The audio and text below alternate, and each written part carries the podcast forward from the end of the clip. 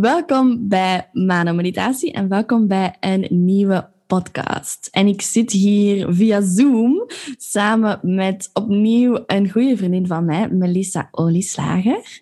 En wij gaan samen een gesprek opnemen vandaag over, ja, we dachten aan, of Melissa dacht aan het idee zingeving en het aangaan van moeilijke gesprekken. En hoe dat die linkje met spiritualiteit is en hoe dat wij dat beide ervaren op dit moment en hoe dat we dat ervaard hebben. Maar we gaan de conversatie gewoon lekker laten flowen en dan zien we wel wat dat eruit komt. Mhm. Allereerst, Melly, laten we samen even diep inademen. Samen. En diep uitademen. Laten we even onze aandacht en ons bewustzijn zakken naar het hart. Om te voelen dat dat hart gevuld is met inspiratie, met woorden die willen doorstromen, ervaringen die gedeeld willen worden.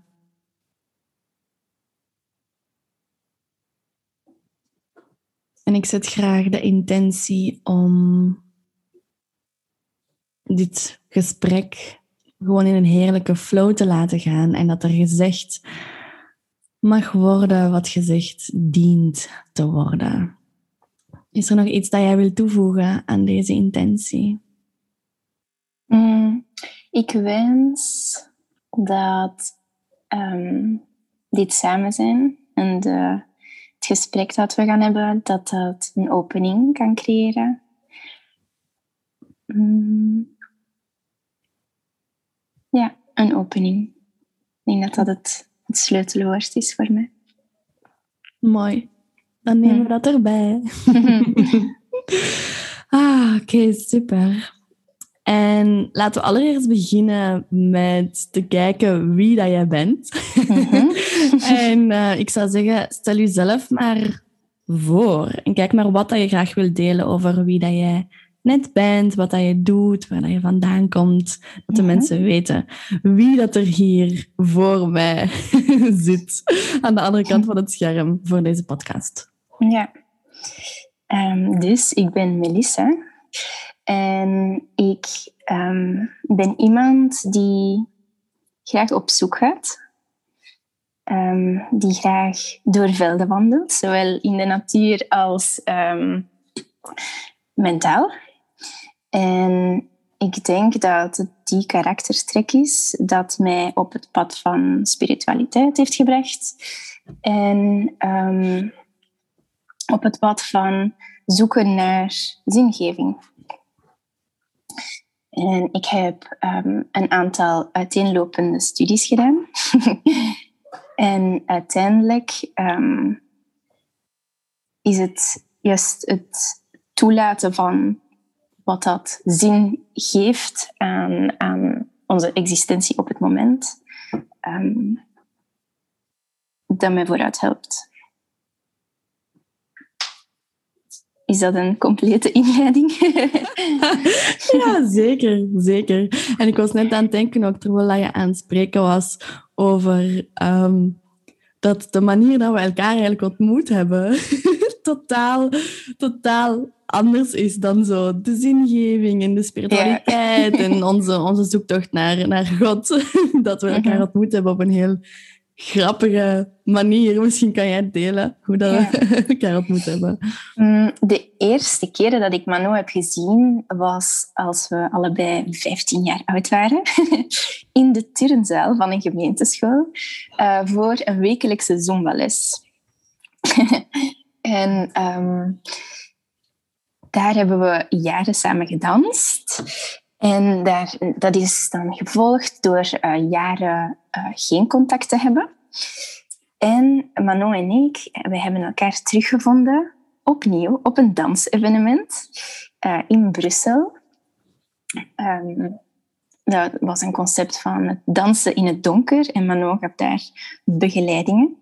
En ik was op dat moment terug actief aan het zoeken wanneer ik uh, Mano heb gevonden.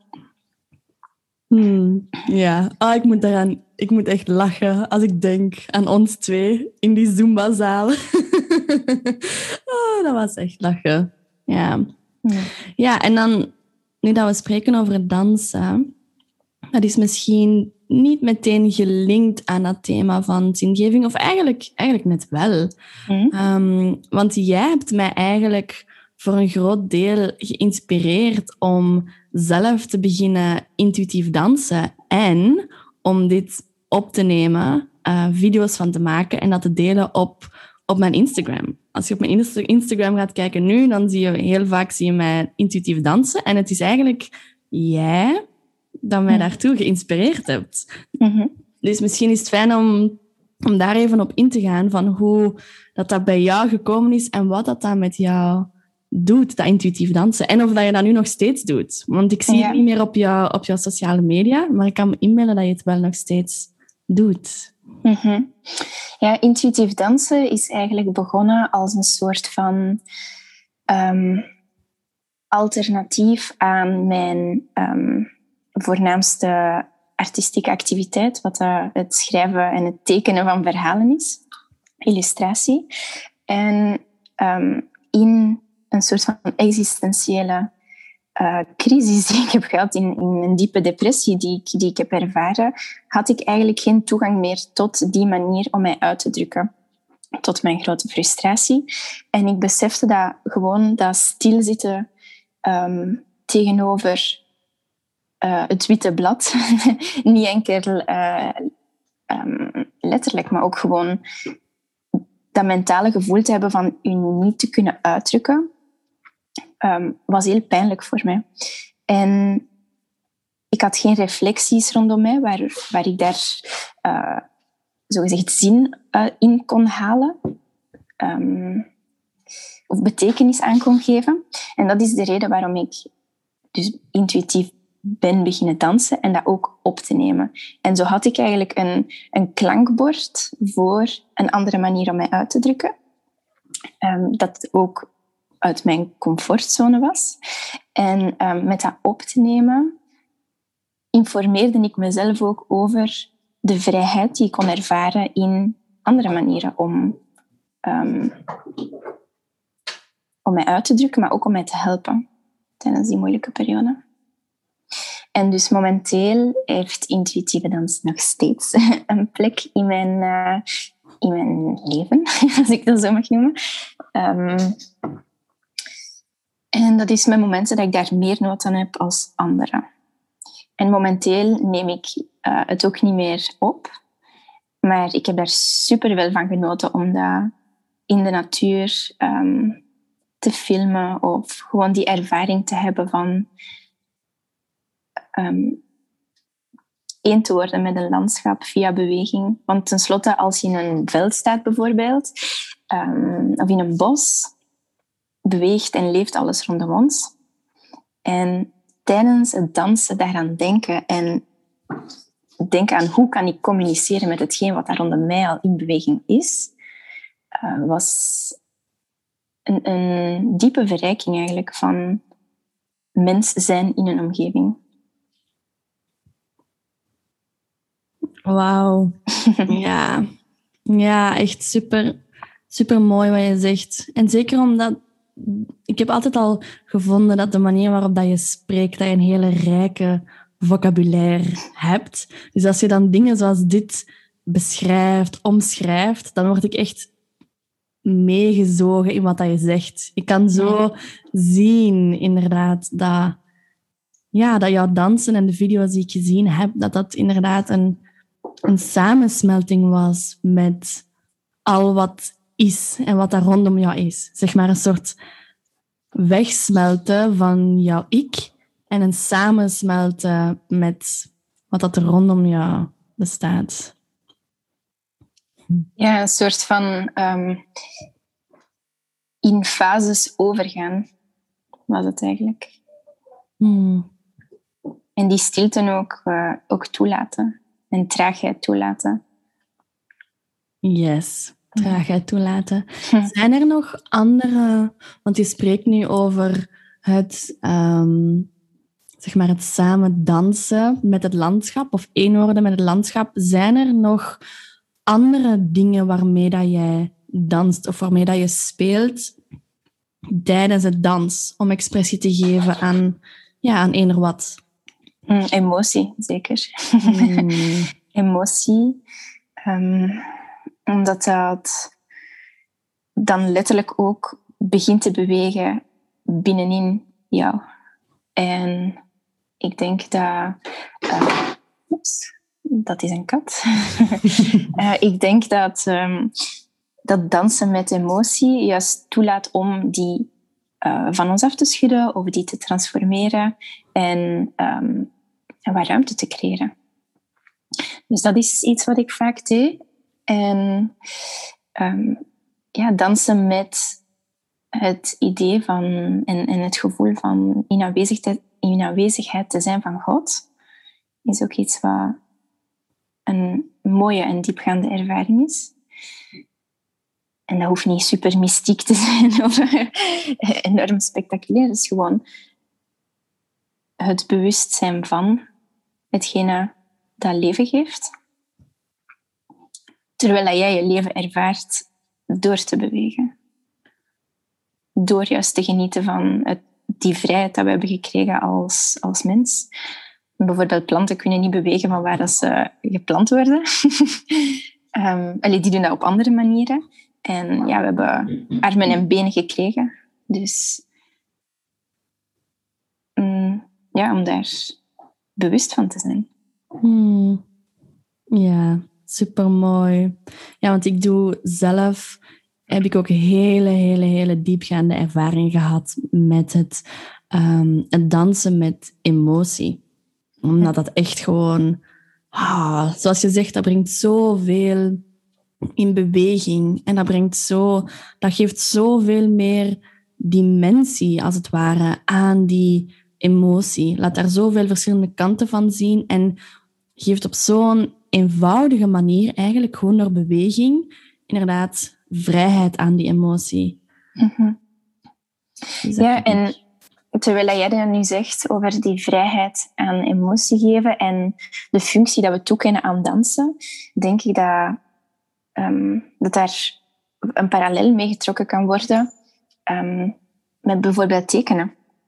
Mensen worden eigenlijk afgesloten als kind of als jongere, omdat tekenen ineens een materie is en dat moet goed zijn en dat moet realistisch zijn voordat dat mooi is. Maar uiteindelijk is het niet dat dat telt. En met dans is dat hetzelfde. In, in mijn opinie is dat dan niet noodzakelijk technisch um, interessant hoeft te zijn voordat daar gevoel in ligt. En ik denk juist met het beleven van die emotie en eigenlijk het toelaten van um, wat het er natuurlijk komt als beweging, zelf al ziet het er niet echt esthetisch uit, uh, creëert sowieso meer, um, ja, meer emotie in de personen die daar ook naar kijken. Het is, het is, het is niet noodzakelijk hetgene wat dat, uh, ja, technisch interessant en, en, en, mooi is, wat, dat dat ook hetgene is wat het meeste betekenis heeft. In hmm. tegenstelling tegenstelling. Ik denk dat in het onhandige veel meer um, diepgang kan zitten.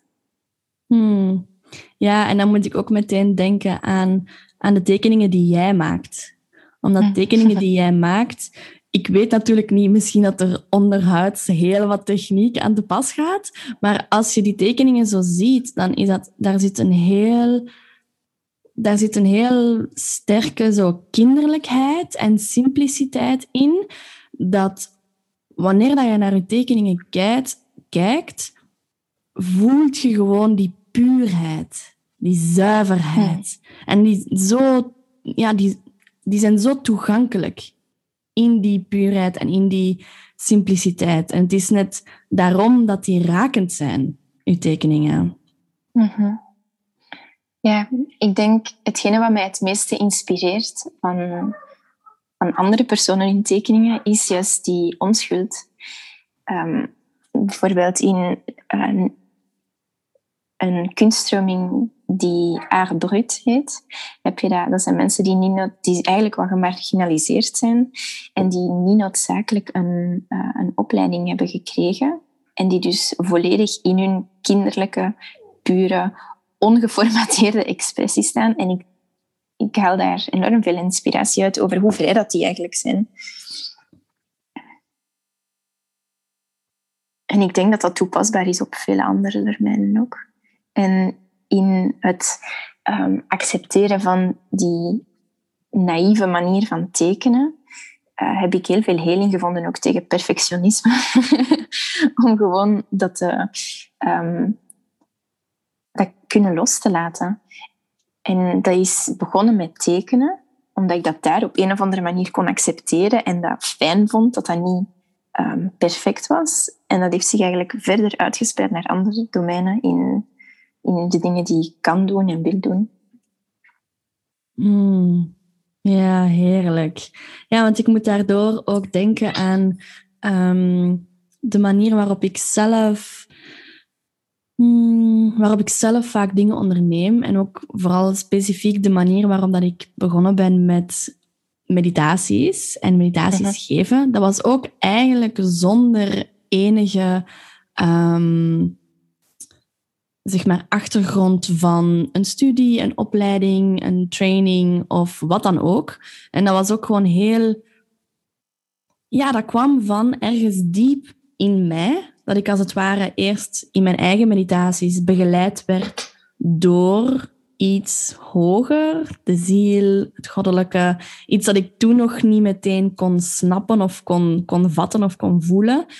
En dan ben ik gewoon die meditaties beginnen begeleiden voor anderen en dat, dat stroomde gewoon. En omdat daar net niet die studieachtergrond was, was er zoveel ruimte om echt puur mijn gevoel te gaan volgen.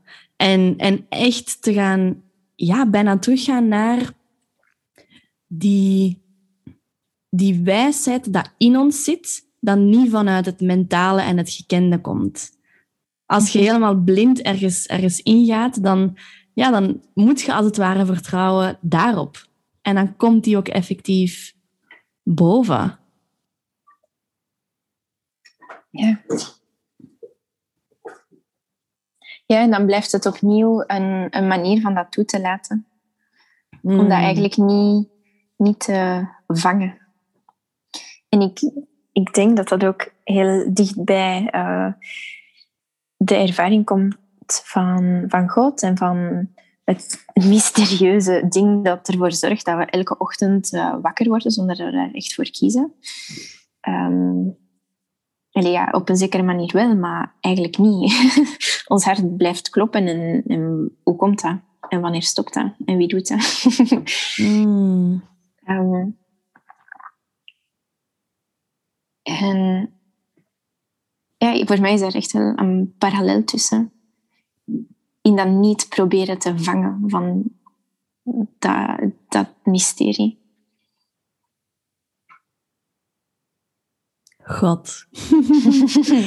Ik heb tijdens, tijdens de, de podcast die ik al heb opgenomen en ook op mijn Instagram praat ik het laatste jaar ehm, wel wat over God. En als ik, als ik erover spreek, dan geef ik ook de ruimte om te zeggen van kijk, ik spreek over God, omdat dat een naam is dat ik, waar ik mee resoneer en dat voelt goed om dat, dat woord te gebruiken. Uh, ondanks de weerstand dat er tegen is geweest, voelt dat nu het mhm. beste om te gebruiken. Maar ik zeg ook steeds van God, de bron, het universum, Pachamama, Great Spirits. Ik zeg steeds van gebruik de invulling dat voor jou resoneert. Want voor mij is het telkens dezelfde bron. Maar ik vraag me af, wat is jouw beleving van God? Want ik weet natuurlijk min of meer wat die beleving is. En daarmee dat ik het ook graag wil opentrekken, als dat goed voelt. Mhm. Ehm, om eens te kijken van, als jij voor God praat, over, over wie of wat heb jij het? En vanuit welke achtergrond praat je daarover? Of binnenin welke traditie uh praat je daarover? Um, als dat goed voelt natuurlijk, om dat open te trekken. Ja, dat is een heus onderwerp. um, mijn, ik ga beginnen met um, mijn beleving van God is, um, is voor mij bijvoorbeeld niet, niet meer het universum of de bron. Voor mij is God God. en um, het is niet omdat, omdat ik daar een naam op plak dat ik exact weet wat dat, dat precies is. dus laat dat duidelijk zijn. Um, voor mij is God eigenlijk hetgene wat ik heb, um, wat mij heeft geroepen doorheen um, de natuur vooral. En het leven dat ik daar kon observeren. En het was eigenlijk met zo, zo diep mogelijk in, de hart van, in het hart van de natuur te willen nestelen, om dat te begrijpen, dat ik um, besefte dat, er, dat er iets is daarachter dat mij roept. En dat communiceert. En dat de natuur en alles wat dat leeft eigenlijk gewoon een soort van um, handtekening is van dat mysterie. Um, dus dat is eigenlijk hoe dat ik dat op het diepste level ervaar. En, en dat zit ook heel diep in mij. Um, daar zijn niet zoveel woorden voor. Hmm. En omdat ik iemand ben die van verhalen houdt. en omdat ik geloof ook dat onze menselijke psychologie um, en onze, onze geschiedenis als mens altijd nodig... We hebben altijd nood gehad aan verhalen om te beseffen van oké, er is een A-punt, er is een B-punt en er is een tijd dat voorbij gaat. Er zijn dingen die gebeuren en um, op die manier zin te geven aan, uh, aan, aan dingen die gebeuren binnen de, de tijd. Oeps. Hmm. Binnen tijd, binnen de tijdruimte.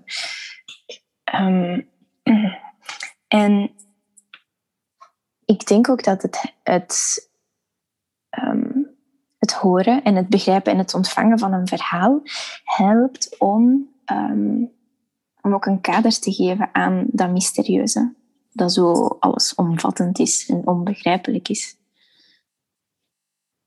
En ik denk dat het dat ook was dat mij op de zoektocht naar uh, spiritualiteit heeft gebracht. Dat ik eerder in een uh, een vrij open, vrij flexibel begrip stond van wat dat, dat mysterie dan was. Um, en dat paste op dat moment, maar uiteindelijk wilde ik altijd dieper gaan en dat dat meer geraffineerd werd. En dat is de manier waarop ik eigenlijk van een soort um, rebellie en um, verwerping van God of van een meer patriarchische God naar uh, het christendom ben gegaan. Wat een hele lange weg was. En wat uiteindelijk was waar ik gestart ben. um, en het christendom dan echt als het soort, als het hart van, van Christus, als het hart van liefde. Um, dus ik spreek niet over de katholieke kerk. Laat dat duidelijk zijn. Ik heb me laten ontdopen. uh, echt gewoon van puur, ik wil er geen deel van uitmaken van die instelling. Um, van eender welke instelling eigenlijk. Ik wil dat dat vrij kan zijn. Ik wil niet dat, dat God leeft in mij, want ik ben ingeschreven in een register en maak dus deel uit van, van een lijst dat van mijn loyaliteit dan moet betuigen of zo. Um, dus dan niet. dan niet. En um, ja, dat was een lange weg. En nu voel ik me thuis. Hmm. Ja, het is grappig, want we hebben het laatste, wat is dat, de laatste twee jaar, de laatste mm -hmm. twee jaar, hebben we wel best um, intiem dat pad samen bewandeld als, um, als sisters. Ja. En ja, opnieuw ben jij ook degene die mij soort van heeft ingewijd, misschien, in dat hart van, van Christus. En het toelaten van de Bijbel, Mhm. het lezen ervan en het, ja, het openen van mijn hart en mijn zijn voor, ja, voor Jezus. Voor Mhm. Jezus. Ja. Ja, ik denk dat er, dat is een onderwerp waar heel veel resistentie rond bestaat. Mhm. Vooral vandaag en ik denk ook vooral bij vrouwen. Omdat we ons niet noodzakelijk eh, geëerd voelen in eh, hetgene wat we weten over ehm, iets dat we makkelijk kunnen beschouwen als een patriarchische religie. Ehm, en ik ben ook van een punt gegaan van totale verwerping daarvan en een feministisch standpunt naar een begrip van wat mijn identiteit in Christus is. En ik denk dat het belangrijk is om steeds de context te begrijpen in welke dat die geschriften zijn geschreven en waarom dat die hebben overleefd, wat dat die ons vandaag willen zeggen en hoe dat die ons kunnen bijstaan in ehm, het dieper kennen van God en van de geschiedenis dat we hebben, ook gewoon als, als mensen van, op deze aarde. En wat doen we hier en waarom zijn we hier? En ehm, voor mij is dat niet bevredigend om te denken dat ik ongeveer 80 jaar ga leven als ik... Uh, if God is willing. um, maar dat het allemaal voor niks is geweest en dat ik dan gewoon terugkeer naar de aarde. Ik kan niet geloven dat er niks is dat mij animeert dat um, ja, mijn lichaam sterft, maar er is toch iets in mij dat mij wakker houdt. Hmm. en waar gaat het naartoe op het moment dat mijn lichaam niet meer wakker is? Mm. En ik weet niet meer waarom ik dat niet zei. uh, ja, van het, het, het nood hebben aan een dieper begrip van onze identiteit hier. Mhm. En ik denk dat dat ook hetgene is waar, waar we op zoek naar gaan in spiritualiteit. En hoe, breder dat we ook spiritualiteit begrijpen, hoe breder dat de mogelijkheden ook zijn om ons begeleid te voelen en om ons een identiteit te geven. Maar in zo'n meer New Age spiritualiteit ben ik daar um, vrij verloren in geraakt. Want op het einde was het gewoon een soort van hopen dat ik op een of andere manier het grote mysterie kon begrijpen en dat het met mij aan het communiceren was, terwijl ik er niks van snapte, precies. en dat ik het zomaar niet kon um, integreren. En dat de concepten constant veranderden. En dat is waar ik eigenlijk rust vind vandaag bij God, omdat God gewoon altijd dezelfde is. Mm. Hij heeft veel meer uitdrukkingen dan wat ik ooit kan snappen en begrijpen. Uh, die zit in alles en in veel meer vormen dan, dan mijn brein vandaag kent. Maar het is altijd hetzelfde. En de liefde die hij is, is hetzelfde. En voor mij was dat het thuiskomen eigenlijk. Die stabiliteit. Want het is hier absolute chaos op aarde. het is absolute chaos. Ik heb stabiliteit nodig. Mm. Ik, heb, ik heb hulp nodig. Letterlijk. Ja. En dat is niet zo eenvoudig om toe te geven. En ik denk met meer New Age spiritualiteit dat ik er zo in geloofde dat ik het zelf kon oplossen. Mm. But no. We need God. yes, we do. ja, ja, dat is mooi wat je zegt. Ook omdat er in zeker de laatste dingen dat je nu zei, van ik kan het niet alleen. Dat is inderdaad zo'n concept dat um, in, de, in de zelfontwikkeling, en dan vooral, dat neemt dan een ander level wanneer dat je dan het spirituele erbij neemt. Zo van, alles zit in mij. En, ja. zo van, en dat, dat is ook ergens zo, want God en dat goddelijke zit ook in ons, maar ja, er is, er is iets rond dat ding van alles zit in mij, waarmee dat het, het ego of het spirituele ego toch nog mee aan de haal gaat. En zo is zo van, ja, ik doe het hier zelf, ik ben hier een god op aarde. En ja, opnieuw, dat, dat is ook ergens zo, maar ook, ja, ook totaal niet. En het is in het, ehm, in het inderdaad, in die nederigheid en in uw hart volledig overgeven aan dat grotere, dat je pas de echte betekenis kunt ervaren van wat dat er gezegd wordt van God is in mij. En dat, je, mhm. dat je echt een, een kind bent van dat grotere, een kind van dat, van dat goddelijke. En dat het nodig is om, ja, om, om volledig mm, u zelf los te laten. Mhm. En als het ware kwijt te raken. Om te kunnen thuiskomen in iets dat in eerste instantie, als het ware, buiten jou is. Want dat was mijn ervaring. Dat was mijn eerste ervaring van, ehm, van God en van die onvoorwaardelijke liefde. Dat was echt dat was een stroom van onvoorwaardelijke liefde dat in mij neerdaalde. Dat, dat mhm. kwam niet van, van in mij naar mezelf. Dat kwam van buiten mij. Dat eindelijk, alsof dat die straal van liefde eindelijk ruimte had om in, in mij te kunnen penetreren, als het ware. En dan, ja, dat was voor mij het besef van, oh ja, Oeh, dat komt niet van binnen. ja, en het is, het is door het, het, het communiceren en het, het relateren met die straal van liefde dat initieel van buitenaf komt, dat je kunt gaan beginnen voelen van... Oh ja, die zit inderdaad in stukjes van mezelf.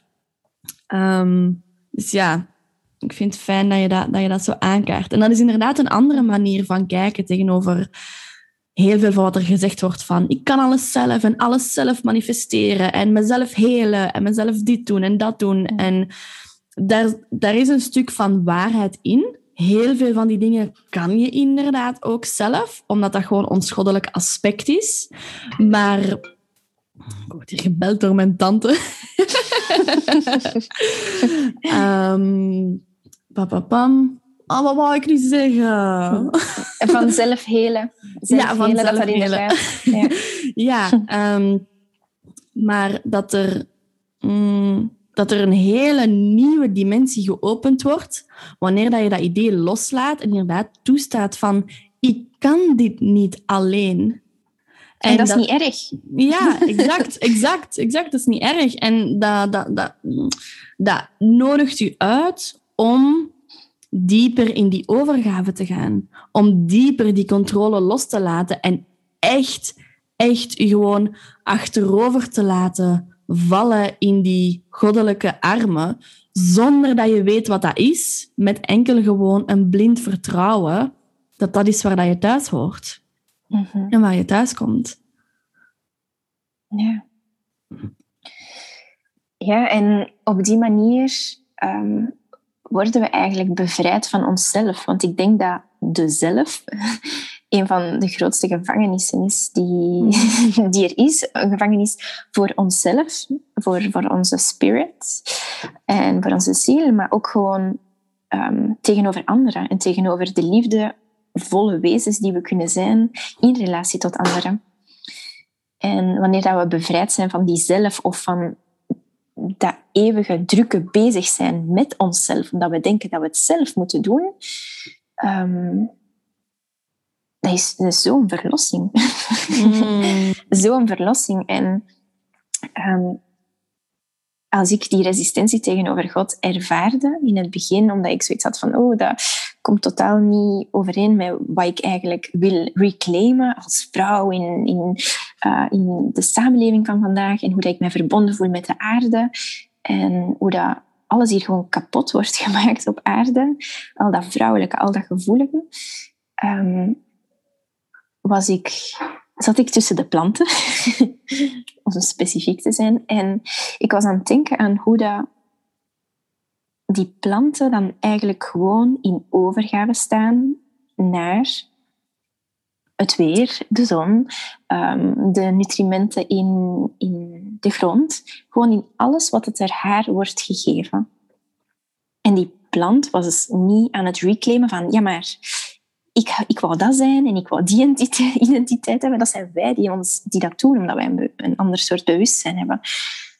Maar die, die plant is waarschijnlijk in volledige... Nee, is in volledige acceptatie. Die heeft geen, geen keuze gekregen eigenlijk. Die is in volledige acceptatie van wat dat God haar geeft.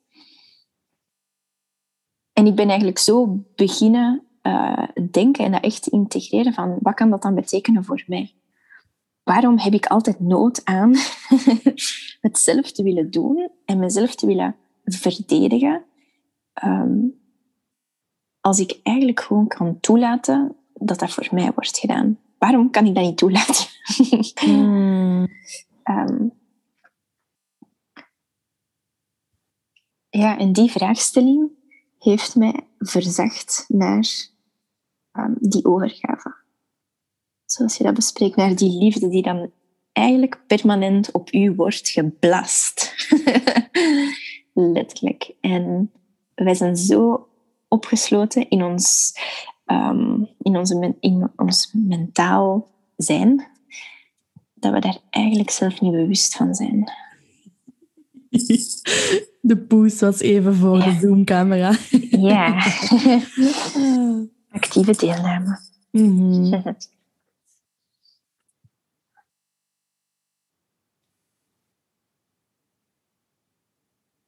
En vandaar dat ik denk dat de natuur voor veel vrouwen een mooie opening is naar dat, mysterieuze leven. En dat mysterieuze wezen ook dat, dat God is. Ik denk zelf dat dat de deur is dat misschien het minste resistentie kan opwekken. ja, ja, absoluut. Want bijvoorbeeld het, het christendom heeft een neuze geschiedenis. Hè? En het is mm. niet omdat we vandaag christen zijn dat, we, dat ik akkoord ben met wat dat er gebeurd is en hoe dat, dat gebeurd is en, enzovoort. Mm Alle pijn dat dat heeft veroorzaakt, alle destructie zoals heel veel uh, ideologieën en manieren van zijn. Ja, absoluut. De kolonisatie. En dat zijn allemaal dingen die niet vergeten worden of ongedaan zijn. Ehm, en dat is super droevig dat dat eigenlijk in de naam van religie en van, um, van iets wat enkel liefde is, gepleegd is geweest. Mm Daaraan zie je dat dat radicaal niet God was. Hè? Ja. Ja, en dat, dat heeft ervoor gezorgd dat er een soort um, diep wantrouwen in ons gezet is geweest tegen mm. religie en dan ook tegen, tegen God, tegen Jezus, maar ook tegen, tegen de naam van God als Allah en tegen, um, ja, tegen gewoon heel veel verschillende soorten religies en verschillende uitingen en paden naar God dat er inderdaad nu, zeker bij ons in het Westen, gewoon een heel groot wantrouwen tegen al die verschillende paden is. Ja, ja terwijl dat, ik ben niet noodzakelijk uh, voorstander van religie. Integendeel, ik denk alles wat we proberen vast te zetten in tradities en regels, dat uh, uh, ons radicaal ontsnapt. en um, ja, voilà mijn positie hier rommel aan het maken.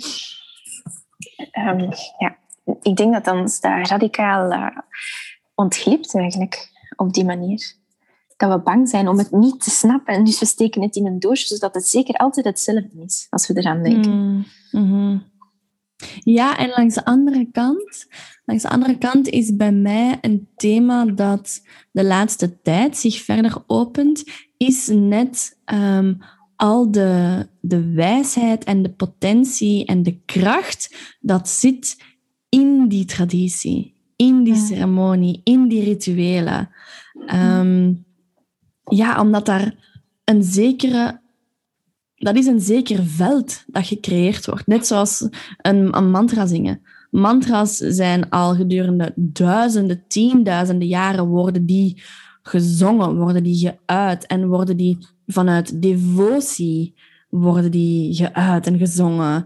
En uh de moment dat jij kiest om een mantra te gaan zingen, voeg je je eigen bewustzijn toe aan dat veld en kies je om mee vanuit dat krachtige veld om, om ja, te kunnen voelen, om dat als soort van poort te gebruiken naar die connectie met die liefde. En dat voel ik met, met heel veel andere rituelen en ceremonies ook. Dat daar gewoon zoveel kracht en wijsheid in zit, omdat het al zo vaak gedaan is geweest. En dat dat gewoon, ja, dat die ceremonie als een portaal ehm, gebruikt wordt, kan gebruikt worden. Ehm, dus ja. Ja, als een soort van uh, kader waarin dat het bewustzijn ervaringen kan hebben. Mhm. Mhm. Ja. ja, en binnen het christendom heb je dan bijvoorbeeld ehm, het uh, wees gegroet of en de, van, hoe noemt het andere? Onze vader. Ja, onze vader. Ik dacht de heilige vader. Ik dacht, nee, dat is niet. Ja, onze vader en wees goed. Dat is eigenlijk hetzelfde. Als je dat opzegt, um, ja, dan duik je ook eigenlijk mee in dat, in dat veld. Van mhm. alle andere mensen die dat al ooit opgezegd hebben. Met al de, de liefde, de dankbaarheid, maar ook de wanhoop en het verdriet dat daar ja, dat gezegd is geweest. Um, via die woorden. Mhm. Ja, en ik denk dat um, dat zijn bepaalde vormen dat er voorgesteld zijn geweest om te bidden. Hmm. Um, maar ik denk dat gebed tenslotte gewoon uh, aanwezigheid is. En die aanwezigheid kan zich beschrijven met woorden, maar ook gewoon in stilte. Ik ben vaak en, en graag, en ik probeer dat ook meer te doen, gewoon in stille aanwezigheid van God. Um, en ik hoef die leegtes niet altijd te vullen met woorden. Ik hoef ook niet krampachtig vast te houden aan, aan een idee, maar gewoon dat te ervaren. Gewoon God ervaren. Kom, hem te beschouwen. Gewoon die, de liefde dat hij is te beschouwen. Um, en dat geeft een heel andere, een heel persoonlijke ervaring van, van dat gegeven, van, van dat mysterie. En dan hoeven we zelf niet noodzakelijk te denken aan wat er ons aangeleerd is geweest. En ik denk dat de mooiste manier om in dat veld te treden, zoals je zegt, is door, mm, ja, door gesprek. Hmm. We, zijn we, zijn wezens van communicatie. We hebben uh, we hebben alle tools ervoor. we hebben alle tools daarvoor. En in ons hoofd zijn we ook gewoon permanent aan het kletsen. True. Dus, we, hebben daar, we hebben daar nood aan en dat is natuurlijk aan, aan onze menselijke natuur. Dus waarom dan niet richten naar Convos with God? mm.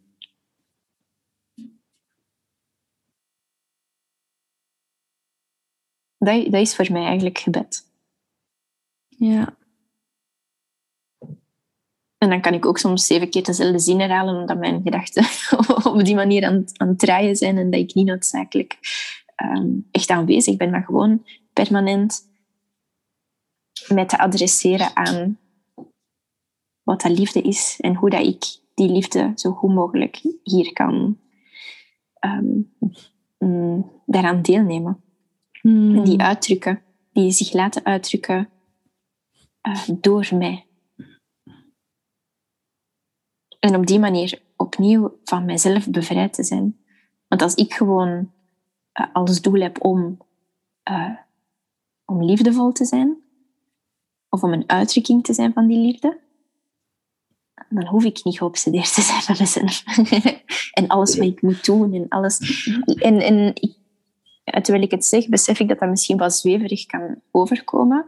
Maar mm, die manier van zo achterliggend te denken is transformatief tenslotte. Mm Ja, ik merk dat zelf ook. Ehm, dat om uw gedachten te verplaatsen naar die bron en naar een besef en eigenlijk een bewustzijn dat je mhm. constant in relatie staat tot God, tot dat goddelijke. Dat is echt, ja, dat is als het ware gewoon een nieuwe, een nieuwe schijf dat je in je hersenen insteekt. Mhm. En een, nieuwe, een totaal nieuwe blik dat je dan gaat aannemen. Want als je dat kan verder, als je dat kan toelaten, dat je constant in relatie staat tot God, dat verder kan belichamen, die schijf van in de hersenen eigenlijk kan laten doorcijpelen naar de rest van je lichaam, dan ga je inderdaad, kom je in een realiteit waarbij dat alles rondom jou God is dat met jou aan het communiceren is. Mhm. Dan is, dan is de wind dat je voelt wanneer je buiten gaat, is een zachte, een zachte aanraking van God aan, aan jouw huid, aan jouw lichaam. Dan is het gesprek dat je hebt met de ene of de andere persoon is eigenlijk een messenger van, van God. Als je op die manier kan, Een uitnodiging. luisteren. Ja, Ja. het eten dat je eet is voeding dat gevuld is met dat goddelijke en dat, Mhm. dat je kan opnemen en innemen. Dus alles wordt dan God. Mhm. Ja, en ehm, ik denk dat hetgene wat je nu zegt, wij ervaren dat, omdat we daar onze gedachten op zetten en dat wordt dus altijd meer en meer gevoed. En ik kan me inbeelden dat dat vrij extreem klinkt eigenlijk voor iemand die dat niet zo beleeft. Mhm. Ehm, maar als je oprecht verliefd bent op dat, dat datgene dat alles animeert, dan is dat gewoon een zalige ervaring. En dan hoef, hoef je ook niet permanent in eh, een soort van bliss state te zijn om daar toegang toe te hebben. Want eh, onlangs zat ik, zat ik in een super nare situatie op, op de weg en de regen en, het raam stond open en lawaai. En ik was overgestimuleerd. Ik, ik was uitgeput. Ehm, en toch had ik toegang tot de ervaring van God. Mhm. En ik denk dat, en, en besefte ik van, wow, ik moet eigenlijk echt wel met, met God praten. als, ik, als ik dat hier plus of min onder controle wil houden, want ik heb geen uitweg. Ik zit eh, in mijn lichaam, ik zit in mijn overgevoeligheid en ik heb momenteel geen uitweg. En ik denk dat daar ook God een anker is en dat dat dus niet noodzakelijk hoeft te zijn enkel de dagen dat alles supergoed gaat, dat je een goed ontbijt hebt genomen, dat je sport hebt gedaan. Ehm, het is juist die permanente uitwisseling met ehm, hetgene wat, wat ons wilt helpen en hetgene dat ons kiest voor, vooraleer dat wij nog maar de kans hebben gehad om te kiezen. God is permanent eigenlijk met, ehm, met alle signalen, met alles wat hij geeft van leven aan het uitzenden. Ik kies jou, ik zie jou graag, ik kies jou, ik zie jou Mm. graag. En daarvan gewoon bewust te zijn op momenten dat, dat er chaos heerst in onze menselijke aardse wereld, is op zich al een soort van ehm, sanctuary van rust. Mhm. Dat is die innerlijke vrede dat je dan krijgt via, Mhm. Via God. Ja. Ja. Ja, en een soort van ehm, uitweg ook naar alle emoties en alle frustraties die we kunnen ervaren. Want er is, er is plaats daarvoor. Mhm. Als, als dat, dat mysterieuze heeft alles gecreëerd. Het grootste tot het kleinste wat we kunnen kennen, heeft alles gecreëerd. Waarom zou die geen emotie kunnen ontvangen? Mhm. Terwijl misschien de persoon die naast jou zit daar geen ruimte voor heeft, voor die emotie, om die te Mhm. ontvangen. En op die manier worden we eigenlijk ook wel ehm, veel, veel meer matuur, omdat we niet noodzakelijk alles wat we voelen bij iemand moeten dumpen. Mhm.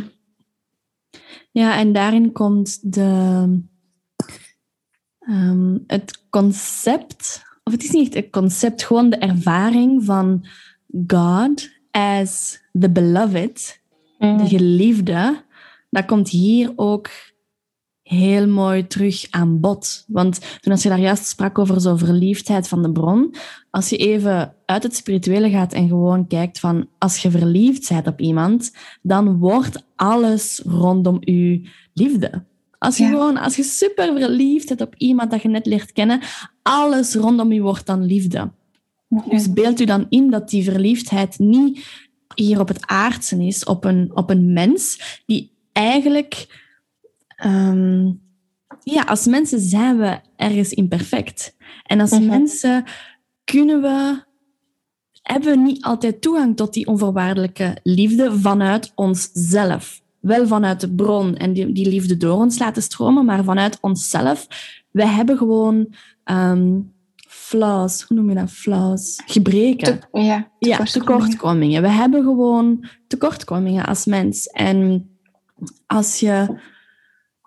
En zeker, zeker als vrouw voel ik dat heel sterk, om echt dat spirituele hart toe te wijden aan God as the beloved, als de geliefde, dan is dat de allermooiste liefdesrelatie ooit.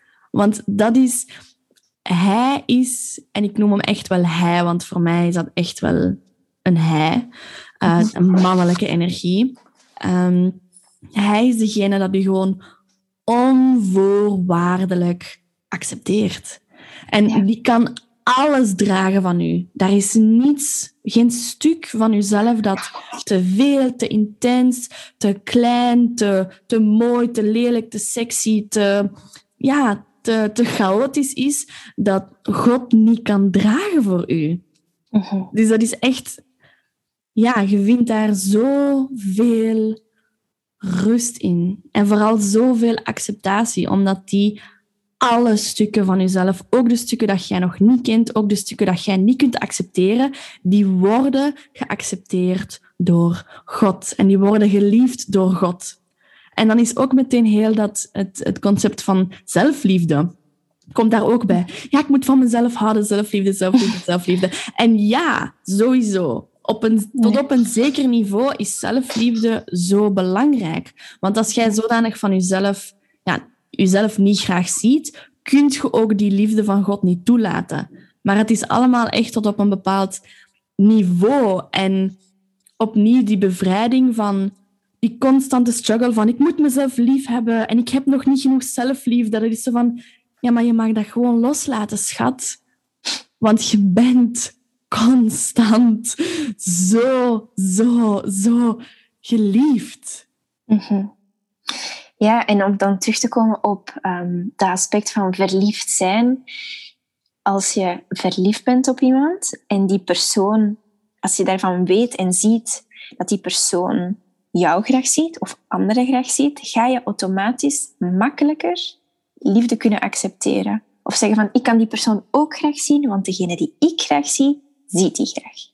En, en op die manier denk ik dat ehm, die struggle van zelfliefde gebypast kan worden. Want als jij God graag ziet en je weet oprecht dat God jou enorm waardevol vindt, en de persoon waarmee dat je leeft en, en jouw tante die jou belde daarnet. als je op die manier eigenlijk naar jezelf en naar anderen begint te kijken, ehm, wordt eigenlijk ehm, liefdevol zijn een soort van verering voor God. Hmm. En dat is een soort van diepere bron waaruit dat we kunnen putten op het moment dat ons, ons mens zijn zoiets heeft van en nu wil ik gewoon gemeen zijn.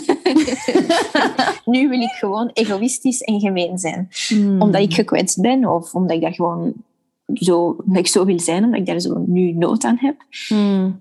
En dat zorgt ervoor dat we opnieuw naar die bron van liefde dat van buiten ons komt, kunnen grijpen om niet zo self-centered te zijn.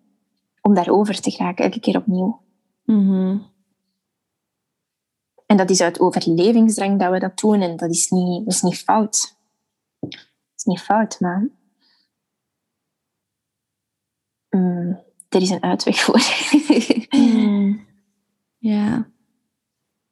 Ja, en tegelijkertijd is die uitweg, zeg maar, als je, of als we daar nu zo over spreken, dan lijkt dat inderdaad oh, zo heerlijk en mooi en, en ja, liefdevol. En dat is, ook, dat is ook allemaal zo. Maar ik denk dat het ook belangrijk is om te zeggen dat, dat wij allebei ehm, door hele diepe dalen zijn gegaan. Afgelopen twee jaar voor mij. Hoe lang is het voor jou? Twee jaar ook? Drie jaar? Ja, misschien nog iets ervoor. Hè?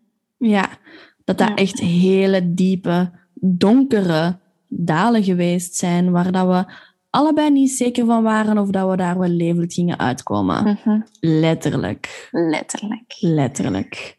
Ja. Ja. En, en dat maakt God niet minder echt of God niet minder goed. Hè? Mhm. Ehm, ik denk dat vanuit ons mens zijn en vanuit ons lijden er vaak ja, onbegrip is al. Waarom, waarom lijden we? Ehm, als, er, als, als we lijden, is God er dan eigenlijk wel? Mm. En ja, we moeten niet vergeten dat we hier dus in een tijd-ruimte-dimensie zitten dat totaal messed up is. Just a Mm. side note. en um, dat bovendien, hetgene wat we beleven als lijden voor ons, dat dat niet noodzakelijk ehm, vanuit een hoger standpunt nutteloos is. Omdat dat ons uiteindelijk naar een weg brengt en naar een transformatie leidt. Mm. ehm, mm, dat die, die glorieuze natuur van hetgene dat ons nog altijd levend heeft gehouden, toont. Net zoals de natuur na de winter opnieuw blaadjes begint te maken en, en, en insecten terugbrengt en eh, bloemen creëert. Dat is ook een soort van verering van hetgene dat altijd opnieuw terug leven brengt Mm. ik weet niet of dat de natuur in de winter leidt, maar ik veronderstel als de kou er komt, als er niet genoeg zonlicht meer is, dan, dat is hard. Mm. dat is hard. Of dieren die permanent moeten jagen om eten te hebben, die hebben daar niet voor gekozen en die vinden dat niet leuk. Misschien, ik weet het niet. Mm. Dat is hard. Dat die misschien niet kunnen eten als ze niet, niet goed genoeg kunnen jagen. Ehm, maar dat is de natuur.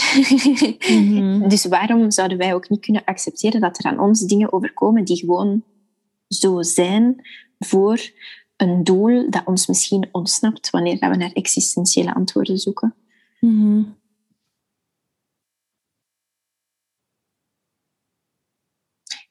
En het is die, die diepgang van dat existentieel doodgaan Mhm. dat uiteindelijk dan ervoor zorgt van, eh, van die gevoeligheid te hebben aan hetgene wat dat leven brengt. Hmm. Ik zou echt de hele dag kunnen praten met jou over God. en dat doen we soms ook. Is zo. Dat doen we soms ook. Ja, ja. waar dat het eigenlijk voor mij ook op neerkomt. En dan heb ik echt tot op, tot op het bot gevoeld het afgelopen jaar, is gewoon dat diepe menselijke verlangen om geliefd te worden in al wat dat we zijn. En gewoon te voelen dat elk stukje van ons geaccepteerd en geliefd wordt. Dus dat we ons geen zorgen hoeven te maken. Voor mij is het echt zo dat alles wat dat we doen en de pijn dat we krijgen en de systemen dat we in onszelf gevormd hebben en de patronen dat we gecreëerd hebben, is allemaal vanuit een zoektocht naar eigenlijk onvoorwaardelijke liefde. Mhm. En die onvoorwaardelijke liefde is dan ook echt het, het medicijn voor eigenlijk voor alles. Voor een, eenderd welk, eenderd welk proces, eender welke emotie, eender welke pijn en trauma dat je hebt, als je daar die onvoorwaardelijke liefde op laat schijnen, dan smelt dat weg. Mhm. Ja, en wat werkt het beste eigenlijk om mensen zich daarvan bewust te laten worden dat dat bestaat? Mm. En ik denk dat daar eh, een link kan gemaakt worden naar het verhaal van Christus. Ehm, en dat God dat onnoemelijk mysterie met de mensen probeerde te communiceren, te vergeefs eigenlijk. En om hen te laten beseffen hoe graag dat ze gezien waren. En dat het enigste wat hij eigenlijk wilde was van, zie mij graag in retour. En dan kan, ik, dan kan ik u gewoon blijven voeden. Mm. En als mensen hebben we zoiets van, op een of andere manier, een, een onmogelijkheid om dat te doen.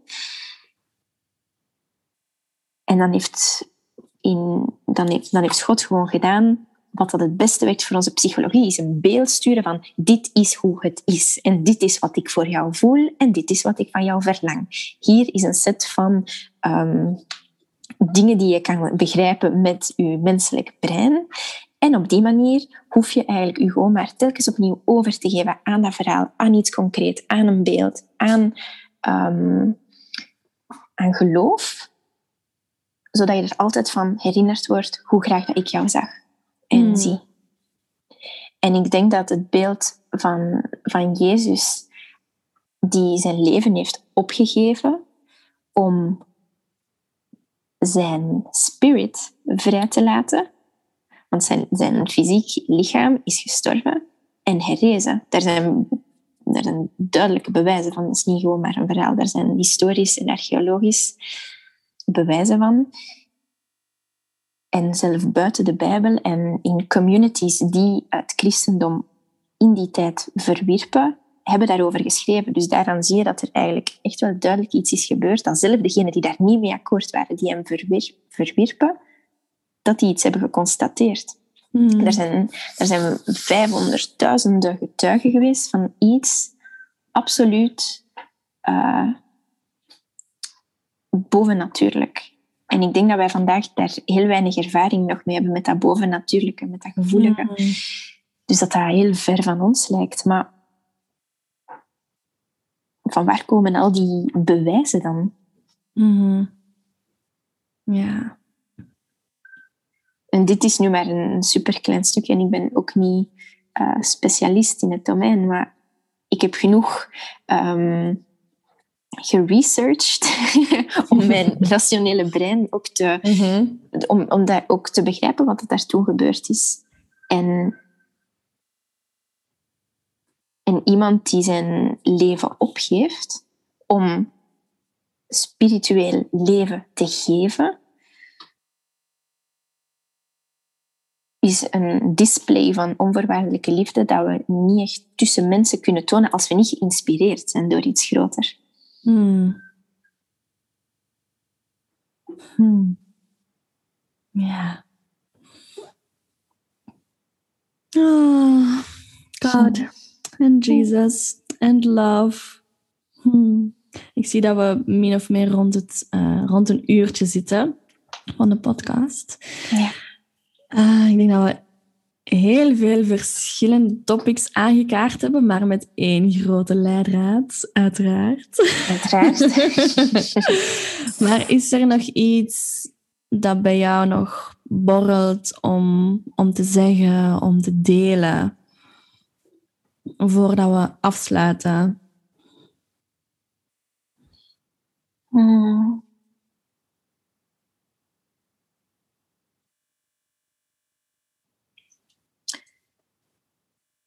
Ik wil um, graag de personen die luisteren en die gevoelig zijn aan dit onderwerp of geïntrigeerd zijn, en uitnodigen om toe te laten. Omdat ik denk dat uh, zo die mystieke ervaring vaak iets is wat een beetje beangstigend is of vaak in contradictie met hetgene wat we willen zijn of denken te zijn. Um, maar als je echt gewoon zonder vooroordelen toelaat, zoals een plant toelaat dat de zon op haar schijnt, um, welke ervaring heb je dan? Of wat, wat voel je dan? Of wat, wat weet je dan? Hmm. En dat sluit dan aan bij uh, het, uh, het, sleutelwoord dat ik in het begin had uh, vernoemd. Het creëren van een opening en het toelaten van die opening. Hmm. Ja, en om even um, grappige synchroniciteiten te benoemen. Gisteren had ik een kaart getrokken van een kaartendek dat heet Begeleiding van de Bron. En de kaart die ik getrokken had was nummer, um, nummer 13. En het woord dat daarbij hoorde was opening. Mm. ja. Opening, ja. Mm. als, als mensen zeggen van wat dat Melly, Melissa hmm, hier verteld heeft, inspireert mij. Is er dan een plek waar dat ze jou kunnen vinden of waar dat ze met jou in contact kunnen komen? Mhm. Ja, dat kan via mijn Instagram-account, ehm, waar ik eigenlijk voornamelijk momenteel mijn illustratief werk deel. Uh, tevoren heb ik wel wat over God geschreven. Ehm, maar ja, momenteel is dat meer een intieme ervaring, maar ik ben altijd open voor, uh, voor een gesprek. Omdat ik dat interessant en verrijkend en belangrijk vind dat die ruimtes blijven bestaan. Dus dan kunnen ze me gewoon op mijn Instagram-account vinden dat mijn naam en voornaam is. Hmm. Ja, en ik zal dat ook toevoegen in de informatie onder, uh, onder de podcast, dat ze jou zo meteen kunnen vinden. En ik heb ook een website waar je mijn artistiek portfolio en hetgene wat ik aanbied als, um, als service, uh, waar dat allemaal op vermeld staat. En daar staan ook mijn contactgegevens. Perfect. Ik zal dat toevoegen ook. Ah, oh, liefste Melly. Mm. Ja. Ik wil jou graag bedanken voor dit heerlijke, heerlijke gesprek. Dat ja, die goddelijke liefde in mijn hart gewoon verder heeft aangewakkerd, geopend, verder heeft doen laten branden. En het is altijd gewoon zo'n plezier om, om met jou te spreken en om jouw engelachtige, pure, onschuldige, wijze energie te mogen, te mogen zien, te mogen voelen, daarmee te mogen in relatie te treden, met te communiceren. Ah, helemaal opgeladen. Ja. Ga ik de rest van mijn dag in. ja, dankjewel voor de uitnodiging. Ik was een beetje nerveus om, uh, om dit te doen, omdat dat uiteindelijk toch wel een heel diepgaande, intieme ervaring is. En de gesprekken die we daarover hebben, vaak gewoon tussen. Oh. de poes. Ja. Omdat die gesprekken die we hebben vaak gewoon in onze cocon zijn. Um, ja, en dat dat verder een, een, interne beleving is. Dus dat is wel speciaal om dat te uiten en te weten dat, dat, dat, dat dit een gesprek gaat zijn dat oren en bewust, bewustzijns gaat contacteren. Um, maar dankjewel voor die uitnodiging. Hmm, heel graag gedaan.